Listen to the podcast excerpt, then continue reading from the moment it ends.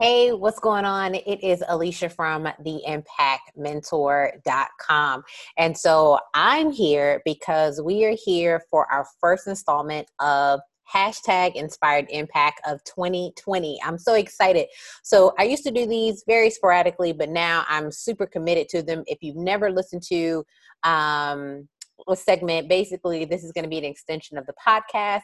These are like 10, 15 minute um, quick inspirational motivational, um, uplifting type of content that I wanted to put on the podcast that they're not edited and there's no ads. So I wanted to be able to get um, close and personal with you um, if you're listening on your audio device, then just know that there's now a video version of this that will be in our Patreon group.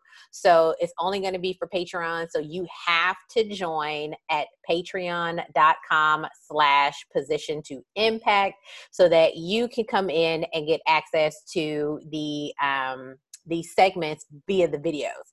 Okay. Um, every once in a while, I'll put them on YouTube, but for right now, they're just going to stay in the Royal Family uh, back office there. So, super excited.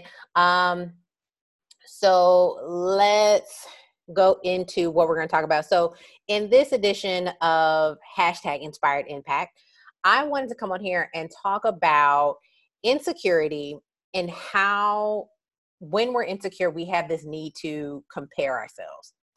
And so, whether you're starting a business, whether you already have a business, whether you're writing a book, whether you've already written books, whether you are a coach, a trainer, whatever it is, an athlete, doesn't matter. We all get into the modes of, I feel the need to compare.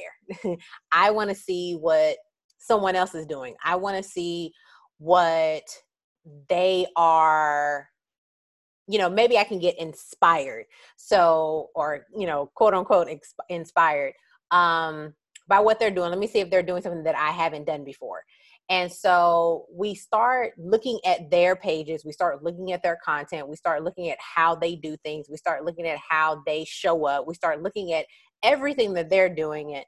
And then we instantly compare that to what we're doing and we instantly compare that to how they're executing versus how we're executing. And what ends up happening is we begin to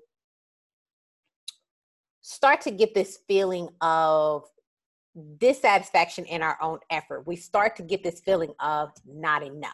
I'm either not doing enough, I'm not speaking eloquently enough, I don't look like them, I don't talk like them. How are they getting their results? And we instantly start asking ourselves these questions well what am i doing that's wrong what are they doing that's right um as if there is this this checklist this master secret checklist that exists um where if we could just get our hands on it if we just and we can do the things that's on this list, then everything will work out. Everything will be rainbows and sunshines and unicorns.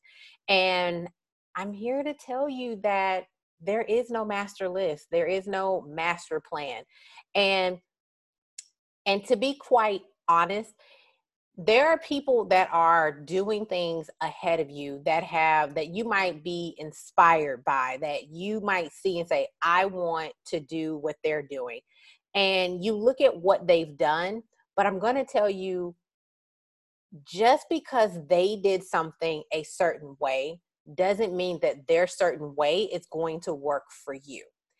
That's where trusting your own instincts and that's where trusting your own ideas and trusting in your own self and really standing still in who you are and and what you bring to the table and telling yourself and getting it in the back of your mind that you are enough. What you're doing is enough. Your ideas are enough. What you're putting out on the table is enough and it is good enough on its own. It doesn't need gimmicks or smoke and mirrors or an illusion um, that you're further ahead than what you really are wherever you are, start. You don't have to compare yourself to anyone else because guess what? they didn't grow up with the same parents that you had. They didn't grow up in the same household that you had. They didn't have the same circumstances you had. They didn't have the same job you had. They weren't born in the same city as you. Everything around you and everything that you've experienced has added to the value of who you are.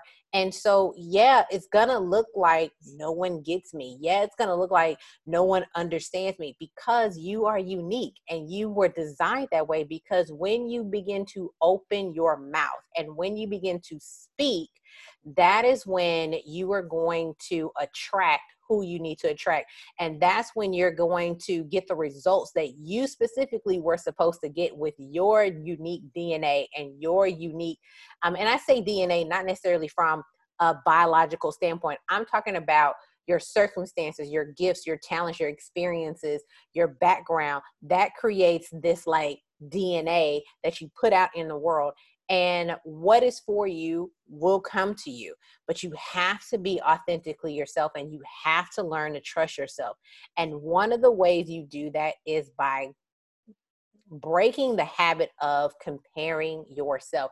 Because understand this when you see someone it may look like they might be on the same level as you but they might actually be at level L and you're at level B they might have been doing it may look like they just came onto the scene and all of a sudden they're you know hitting all these these success points but you don't know that they've probably been doing this for five years six years.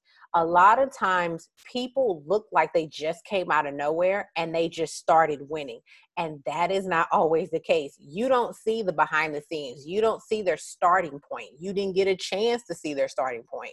So then it's easy to compare your starting point to where you think they are and compare yourself to that. But I mean, I am not going to compare myself to Amazon because Amazon is a beast, but I wasn't around and I wasn't there when um, Jeff Benzo was Bezos was, you know, buying used books to sell online and and when he had to make that decision to leave his his corporate job his high paying corporate job to start something online like we don't we don't you know we won't look at that part we'll look at where he is now and instantly starting to compare where we are. And so I challenge you to just break that habit of comparing. You don't have to do it, it's unnecessary. It's actually self defeating and it's going to get in the way. You have things to do, you have a mission, you have a goal, you have a purpose, you have so much love and so much talent and so much spirit that you're going to be bringing to the table already. And it doesn't need to be cluttered or filtered or hindered by doubt, self defeating prophecies, um, you know, jealousy, bitterness, resentment, disappointment, all the things that can get in the way. Okay. So that's it. That is it for the first hashtag inspired impact of 2020. Super excited. Whoop whoop. So um yeah. So if you like this, please like, subscribe, share this out um on your audio platform and then join the Patreon if you want to watch the video of this, if you want to see me and in my beautiful yellow head wrap that I'm wearing. Oh my gosh, it looks so great. Um, if you want to see this head wrap that I'm wearing, uh, then you have to join the Patreon. So, all right, that's it. I'll see y'all next time. Bye.